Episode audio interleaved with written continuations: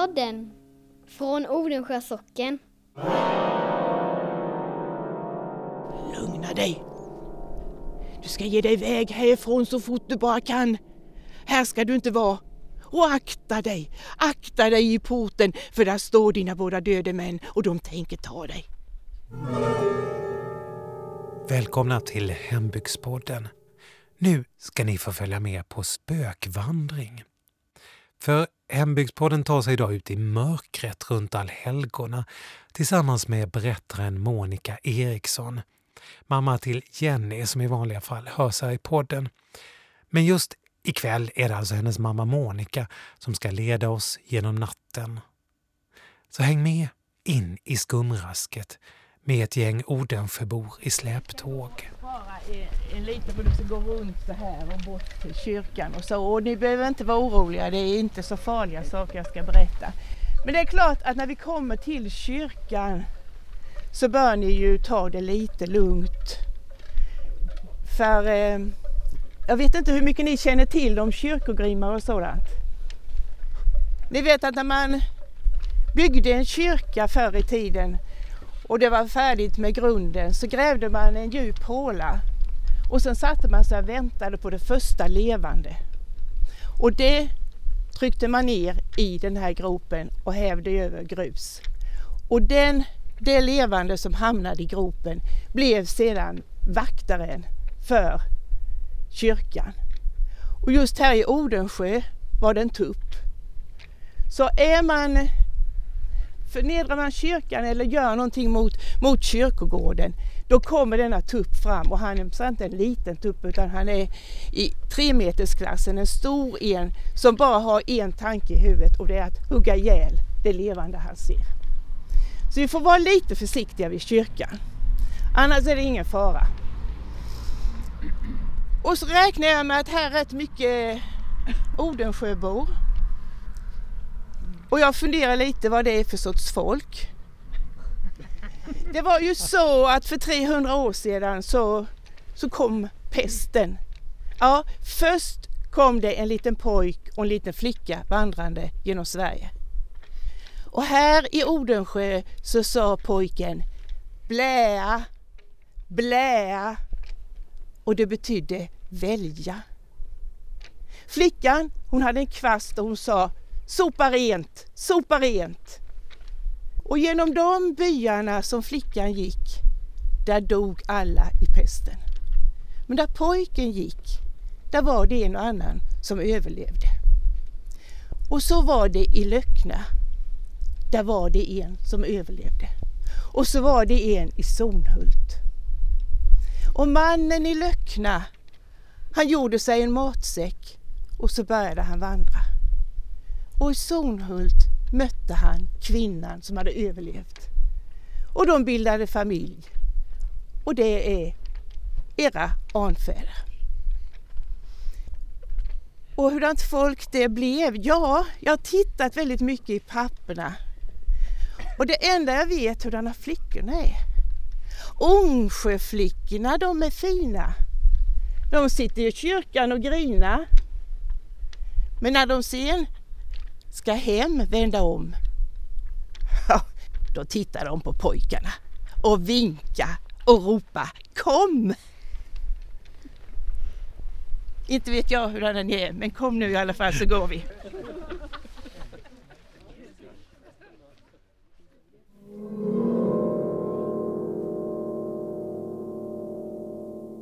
Nu har vi kommit fram till huset som kallats Odensborg i Odensjö. Ett rött hus på en kulle där enligt sägnerna Oden själv är begravd. Och visst står där några konstiga stenar, även om man inte kan se dem nu i nattmörkret. Här bodde för övrigt en gång i tiden också båtbyggaren Axel Mild. Nu är det familjen Johansson som har tagit över. Men nog om det. Ja, nu bor ju Alfred här. Alfred Johansson. Då har vi Alfred där. Vet du att du hade en namne här i Odensjö? Han föddes 1860. Och när han, denna Alfred Johansson, var uppåt 80-årsåldern, då kom det studenter hit och intervjuade honom. och han berättade. Och han berättade om eh, Göran i Björkenäs. Han skulle gå till Halmstad och sälja en del föremål. Och han gav sig iväg. Men vägarna till Halmstad de var inte så raka och fina som idag. Utan han fick gå på stigar. Och det värsta var att det fanns gott om rövarband i de här trakterna. Så när det började mörkna så vågade han inte gå längre. Utan han knackade på i ett hus och frågade om han kunde få sova över där. Och det fick han. Men han kände sig väl antagligen lite olustig för han kunde inte somna. Och plötsligt så hör han hur kärringen säger till gubben. Nu har han somnat. Nu kan du gå upp och öa honom. Och han blev alldeles livrädd. De tänkte döda honom. Och han bad för sitt liv. Och han sa, ni får ta allt jag äger och har, bara jag får leva. Ja, gubben, han tyckte till slut att det kunde han ju få leva. Men kärringen sa, nej, eh", sa hon. Det är inte värt. Det är gässen som har huvudena kvar, de kacklar. Men då fick han svära på Bibeln.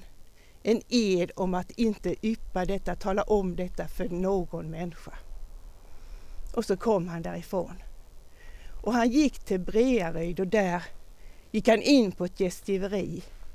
Där satt mycket folk och han gick raka vägen fram till kakelugnen. Slog armarna om den och sa Till dig kan jag tala. Jag har lovat att inte säga någonting till en enda människa, men till dig kan jag tala. Och så berättade han för kakelugnen vad han hade varit med om och vilket hus han hade varit och vad det var för människor. Och till all lycka så satt faktiskt en landsfiskal där i, på Gästgivargården och man hämtade de här två, gubben och kärringen, och dömde dem till döden. Och de hängdes på galgbacken. Och Alfred Johansson sa att varje gång jag gick förbi där så var jag tvungen att hålla far i handen. För det var otäckt. De här studenterna pratade med honom om vård. Och det är när man ser människor fast de inte finns där. Och då berättade han om en i Skrinhult. Jonas i Skrinhult. Han skulle till Unnaryd och handla och sälja. Och han sa till sina döttrar att jag kommer hem vid den och den tiden. Och så gav han sig iväg.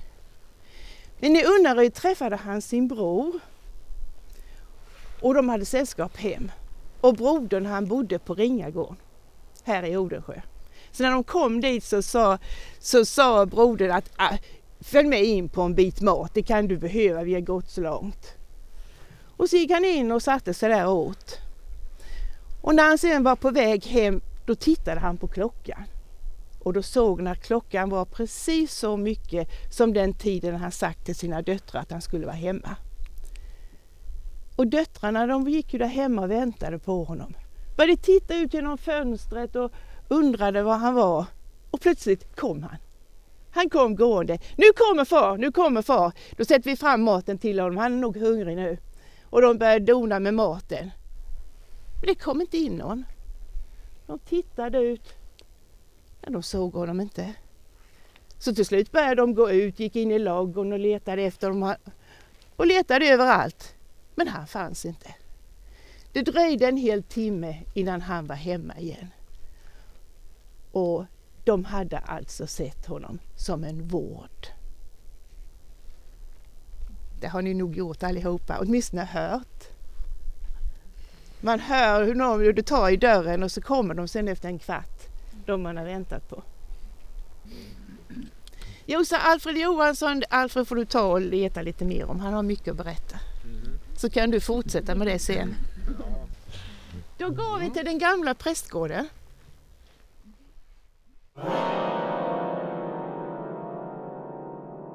kanske har sett att det finns ett bed and breakfast i Odensjö som heter Strandhem. Ett rött vackert hus till vänster om kyrkan.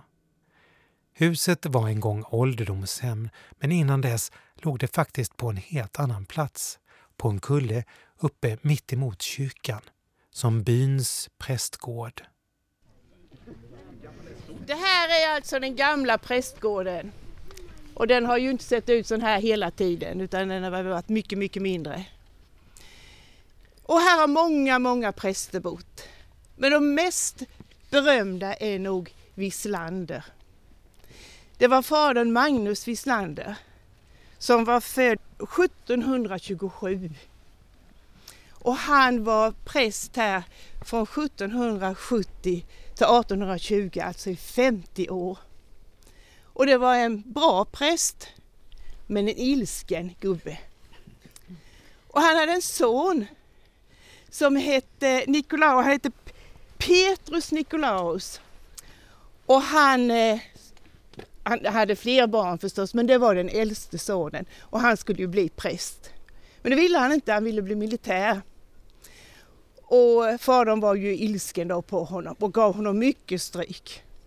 Till slut så gav sig Petrus iväg till Tyskland och studerade där. Och lurade sin far att han studerade till militär men han, han gjorde inte det utan han blev ju präst. Och han var rätt glad utav sig, han tyckte om att skämta. Och han, eh, bara för att han hade studerat i Tyskland så trodde folk sen att han hade studerat i Wittenberg. Och de präster som gick i skola i Wittenberg, det var de prästerna som kunde trolla, som kunde kämpa med djävulen. Det var riktigt häftiga präster. Så han fick det ryktet. Och en gång så hade de väl en ovanligt vacker piga i det här huset. De hade säkert flera pigor. Men en blev han förtjust i, sonen, och kysste henne. Och det kom till prostens öron och han blev tvärilsk. Nu skulle han ha stryk, men inte direkt utan det skulle ske en viss tid, en viss dag och han bjöd in folk som Jenny har gjort här. Titta på denna bestraffning. Och när dagen kom så var posten knallröd i ansiktet av ilska. Och han tog sin käpp och sonen var ju mer blek. Men han tänkte det här ska jag klara mig ur. Och då låg det på gården en stor ekstock. Så sa han, far om jag kryper igenom ekstocken, slipper jag stryk då? Ja, det gör du. Och då la han sig på knä. Först läste han naturligtvis några ramsor och så la han sig på knä och satte huvudet mot ekstocken. Och så började han krypa in i den. Till slut var huvudet försvunnet. Och han tryckte in axlarna och mer och mer av honom försvann in i stocken och folk gapade. Alla dessa gubbar som stod där och glodde. Och snart var det bara fötterna kvar och så försvann de också. Men då kom en piga ut. Om det var den kyssta pigan, det vet jag inte. Men hon kom med två hinkar och skulle hämta vatten. Hon tittade på Vad glor ni på? Och varför ligger han på stocken och kryper ovanpå den? Och då försvann förtrollningen i ögonen på dem och de såg att han kröp ovanpå. Men då blev också sonen ilsken på pigan. Så han förvände synen på henne också. Och plötsligt satte hon ner sina hinkar och så hissade hon upp kjolen lite. Och så gick hon och så hissade hon upp kjolen mer och mer. Hon tyckte att hon gick i vatten och det steg och steg och till slut hade hon hissat upp kjolarna så mycket så hon visade mer än hon egentligen ville. Och för er som är små ska jag tala om att det var inga flickor som hade underbyxor på sig på den tiden. Så hon var rätt naken. Och det här gillade den gamle prosten, så han slapp stryk. Jo, fina. Sonen Wislander, nu kommer jag bara att prata om honom så nu säger jag Wislander. Han hade i Tyskland köpt sig en sån här apparat man hade i skolan som man vevade på så blev det gnistor. Friktionsel eller vad det heter för någonting. En sån apparat hade han köpt sig. Och den använde han ibland för att skrämma folk med. Och ryktena gick ju om den här Det blev mer och mer att han kunde trolla. Så kom det en dag en, en bondtant och, och var uppbragt som bara den. Hon hade blivit bestulen på linnedukar som hon lagt ut till blekning. Och hon visste vem det var. Och hon ville nu att, att de skulle hjälpa henne att få tillbaka dem. Ja, sa Wislander, det ska vi ordna. Nu var det ju han som var präst på stället. Och när eh, söndagen kom och gudstjänsten var slut så sa han till den där som de trodde var tjuven att jag vill tala med dig. Och så gick de till prästgården. Vad har du haft för dig? Har du stulit dukarna? Nej, det hade han ju inte gjort. Ja, jag misstänker att det är du. Nej, han hade inte gjort det. Ja, men då ska jag göra någonting, sa han och så tog han fram en kula på ett fat och la framför honom vid bordet och sa Nu rör du vid kulan. Händer det något då så är du skyldig. Men om den ligger lite stilla kvar så är du oskyldig. Och försiktigt sträckte han fram sitt finger och rörde vid kulan och fick en stöt och det dånade till så fruktansvärt så han erkände direkt.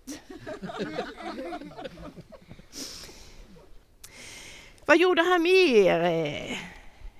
Jo, jo vet ni vad? Borta på kyrkogården hördes gråt av ett barn som grät. Och det upprörde många här i byn. De tyckte inte om det och de sa till prästen men han brydde sig inte om det. Till slut så var det ett par ifrån kyrkorådet som kom och sa att ni måste göra någonting åt det här barnagråten på kyrkogården.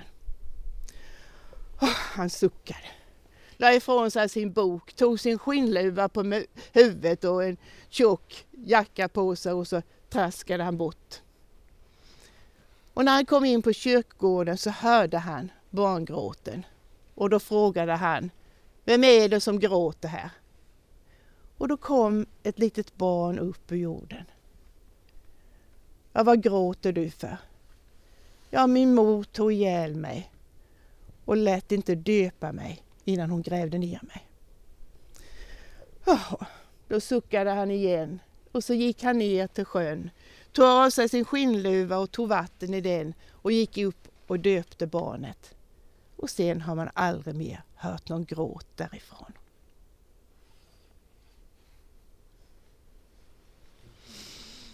Mm, hemska saker. Mm.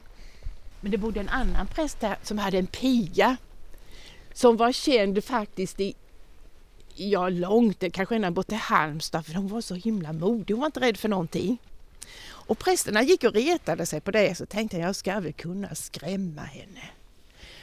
Så sa han till henne i en mörk kväll att vågar du hämta min handbok som jag glömde i kyrkan? Ja då. Ja, den ligger på altaret. Ja, ja. Hon knatade bort till kyrkan. Men han sprang före och gick in bakvägen där vid sakristian. Och, och när hon kom in i kyrkan så mötte han henne med ett lakan över sig och sa Jag är Paulus, kyss min hand. Och jag är prästens piga, kyss mig där jag är högst när jag plockar stickor.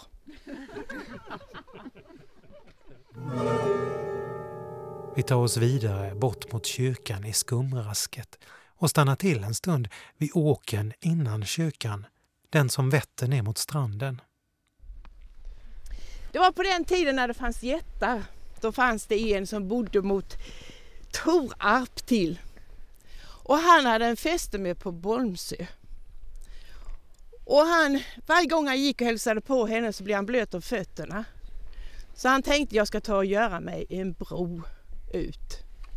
Så han samlade grus i vanten och hävde ut och, och började göra och den skulle gå, den här bron skulle gå från Torap till Björkenäs och sen till Bolmsö. Men när han höll på där och göra den så ringde det i kyrkklockorna här. Vad är det för skrammel, sa han. Ja, det är kyrkklockorna, sa folk. Ja, men varför skramlar de? De ringer för lik. Jättens fästmö är död. Är hon det, sa jätten. Ja, då är det ju ingen idé att göra någon bro. Och så gick han. Men sen fick han ju höra att de hade lurat honom. Och då blev han så himla sur på dem i Odensjö. Så han gick och, och gnydde över det där. Så stod han en gång på Jättesö, heter det så? Jättesö ja, där stod han och tittade bort. Och han såg kyrkan. Och han tyckte inte om de där Odensjöborna. Jag ska minsann krossa kyrkan. Och så tog han en sten och kastade. Men han missade och den hamnade här bakom oss. Där låg den länge, ända tills man skulle öka ut ringmuren. Då sprängde man den och tog stenen att använda i muren. Annars hade ni haft ett jättekast här.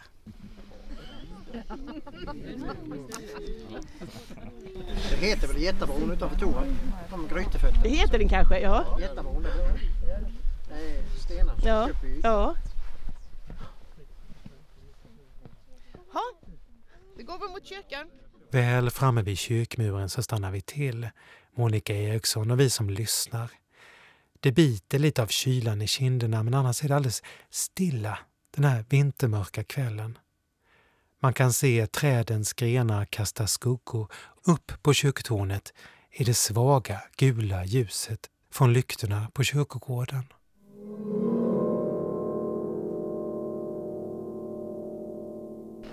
Gång så, det var en julafton, så satt Wislander i prästgården och hade eh, två utav eh, kyrke, kyrkväktarna med sig.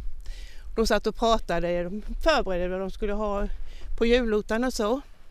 Och sen skulle de gå hem, men de tyckte, de muttrade lite att det var långt att gå. De skulle till Björkenäs så de ville inte gå Ja, de klagade lite så sa Wislander, ja men gå över sjön. Isen ligger ju. Nej, den håller nog inte. Ja, men jag följer med er så behöver ni inte vara oroliga. Så gick de. Men när de kom fram här till kyrkan så sa Wislander, nej visst jag har ett ärende i kyrkan. Vi får lov att gå in där. Ja, men vi har inte nycklarna med oss, sa, sa de. Ja, det, det går ändå, kom med mig. Och så gick de ner till sakristidsdörren. För den finns väl kvar fortfarande. Och så bara böjde sig Wislander fram och blåste i nyckelhålet tre gånger. Och så slogs dörren upp och det blev ljust i kyrkan. Och kyrkväktarna de gick in och, och satte sig på sina platser och de tittade, vad var det som lyste? Det fanns inte ett ljus som var tänt, men det var ändå ljust i kyrkan. Och Wislander han gick fram och ställde sig vid altaret. Och plötsligt hör de hur dörren, porten till kyrkan öppnas.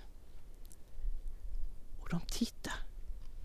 De hör steg och skrammel. De ser ingenting men det går någon gången upp ända fram till altaret. Och det skramlar som om det var kedjor. Och sen börjar Wislander tala. Men kyrkväktarna förstod inte ett ord vad han sa. Han höll länge på och talade. Sen tystnade han till slut. Och då hörde de stegen och skramlet. Och så öppnades porten och så gick den igen. Och Wislander gick ut genom sakristiporten. Kyrkväktarna följde med. De sa ingenting för de hade gått en bit. Då sa de, undrade de vad det var de hade varit med om. Ja, det var bara en osalig ande som var snärjd i bojor. Och mer fick de inte ur honom. Så här har hänt väldigt hemska saker och just vid julen. Det bodde en liten gumma här borta i en stuga. Hon skulle gå julottan. Hon vaknade, hon brukade vakna mitt i nätterna. Så hon gick upp och så fick hon se genom sitt lilla fönster. Det lyste i kyrkan. Ljusen var tända. Nej, men, men jag har väl inte försovit mig? Nej. Ja, men ljusen är tända. Nej, men jag kan väl inte komma för sent till julottan? Äh, nej. Men ljusen är tända. Hon drog på sig kjolen, hon tog en sjal över sig. Hon gick ut. Hon hörde hur de sjöng i kyrkan. Hon hade försovit sig till julottan. Det, det var en skam. Och hon skyndade sig, ja hon småsprang den lilla gumman. Så när hon väl kom in i kyrkan så var det fullsatt. Men hon gick bort till sin bänk och hon knuffade lite på de som satt där. Hon, hon kom ner i den och hon, och hon hade helt tappat andan. Hon satt där och tjofsade och tjofsade. Hur kunde hon försova sig? Hur kunde hon? Men nu skulle hon lyssna på prästen. Ja, nu skulle hon lyssna. Hon höjde huvudet och tittade. Vem var han? Nej men, vad är det för, för en präst? Det är ju inte, är inte vår... Vem? Nej, nej, jag måste fråga. Hon vände sig om. Men jag känner, jag känner ju inte en enda människa här. Var har jag, var har jag hamnat? Då vänder sig kvinnan om som sitter framför henne. Och det är en av grannfruarna. Oh och, men den, den frun har ju varit död en hel vecka. Lugna dig, sa kvinnan. Du ska ge dig iväg härifrån så fort du bara kan. Här ska du inte vara. Och akta dig, akta dig i porten för där står dina båda döde män och de tänker ta dig. Och gumman höll i sjalen, hon reste sig och hon började gå och hon såg ju nu att det var döingar som satt där. Och när hon närmade sig porten så stod hennes båda män där med kloiga skelettnävar sträckta mot henne och gumman vrålade och sprang rakt ut. De fick bara tag i hennes sjal. Och när den riktiga julottan började, ja då fick man borsta rent på bänkarna för där låg det döingemull. Och när det ljusnade så hittade man en liten bit av gummans sjal på varje grav på kyrkogården. Hon hade tur. Hon kom levande ifrån de dödas julotta.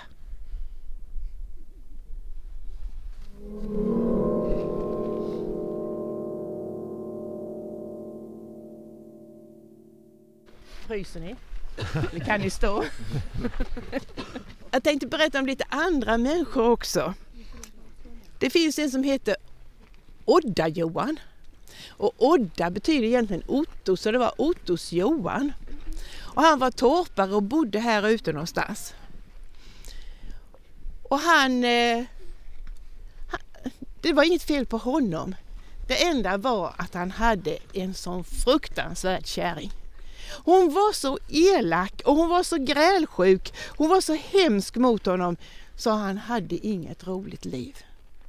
Och till slut skar han halsen av sig. Och då säger den här gubben som berättar detta, då blir det oroligt för kärringen. Då började hon springa och så fick hon se Famin. Och så ropade de på honom. Sven, kom genast! Men far visste ju hur hon var så han brydde sig inte om henne. Han tog det lugnt. Men så skrek hon igen. Du måste komma Sven, du måste komma! Ja, vad är det du skriker om kärring? Jakob han, han, han har öat sig. Ja, far trodde ju inte på henne. Men han gick upp där och där låg han. Där låg Jakob med halsen avskuren. Och då sa far till henne, du får minsann skylla dig själv så elak som du varit mot honom. Men när det händer en sån sak så måste polisen komma. Och läkaren, landsfiskalen, kronofogden, allt vad det var de skulle komma dit. Och det tog tid, det begriper ni ju, här ute i ödebygden.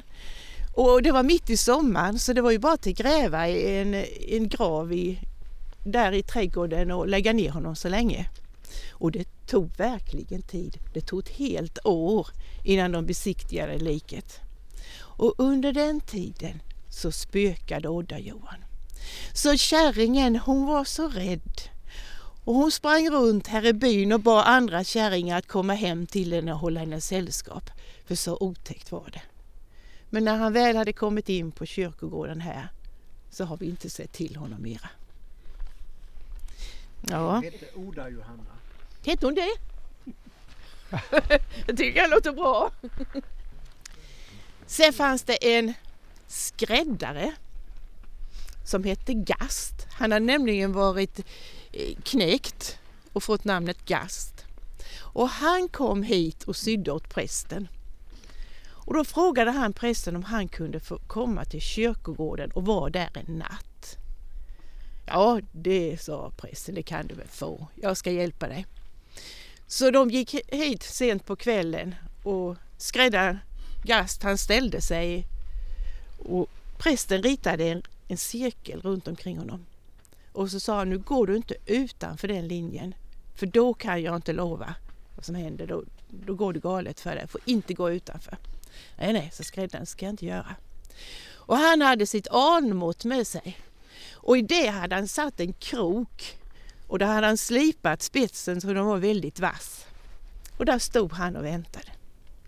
Och så plötsligt kommer det en kar in. Ja, han är ju bara svart för det är ju så mörkt han ser ingenting. Men denna kar han börjar gräva och gräva upp en död. Och ta upp en gumma.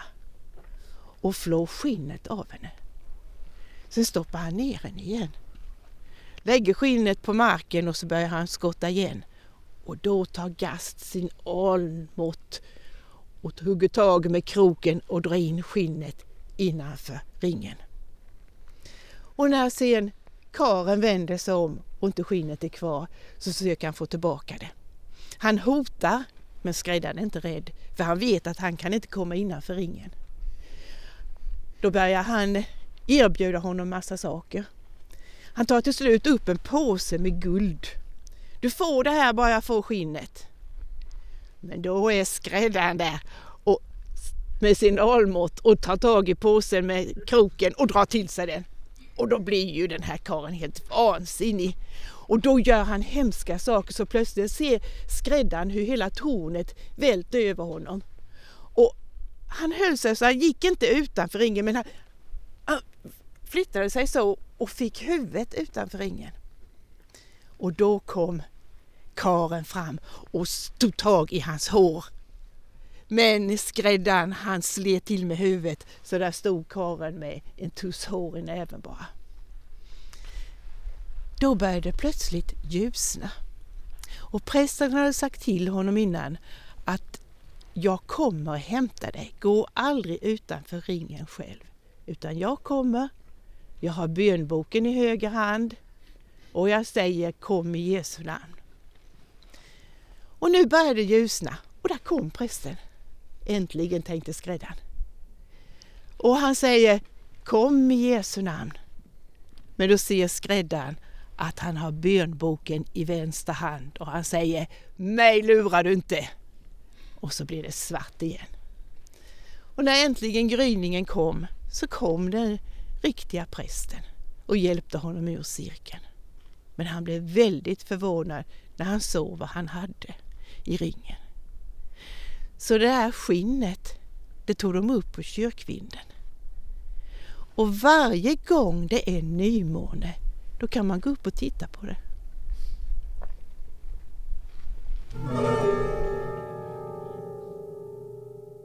Det var allt från Hembygdspodden den här kvällen. Ha en riktigt fin allhelgona så hörs vi igen och då är Jenny tillbaka i en podd om kärlek förr i tiden. Vi hörs!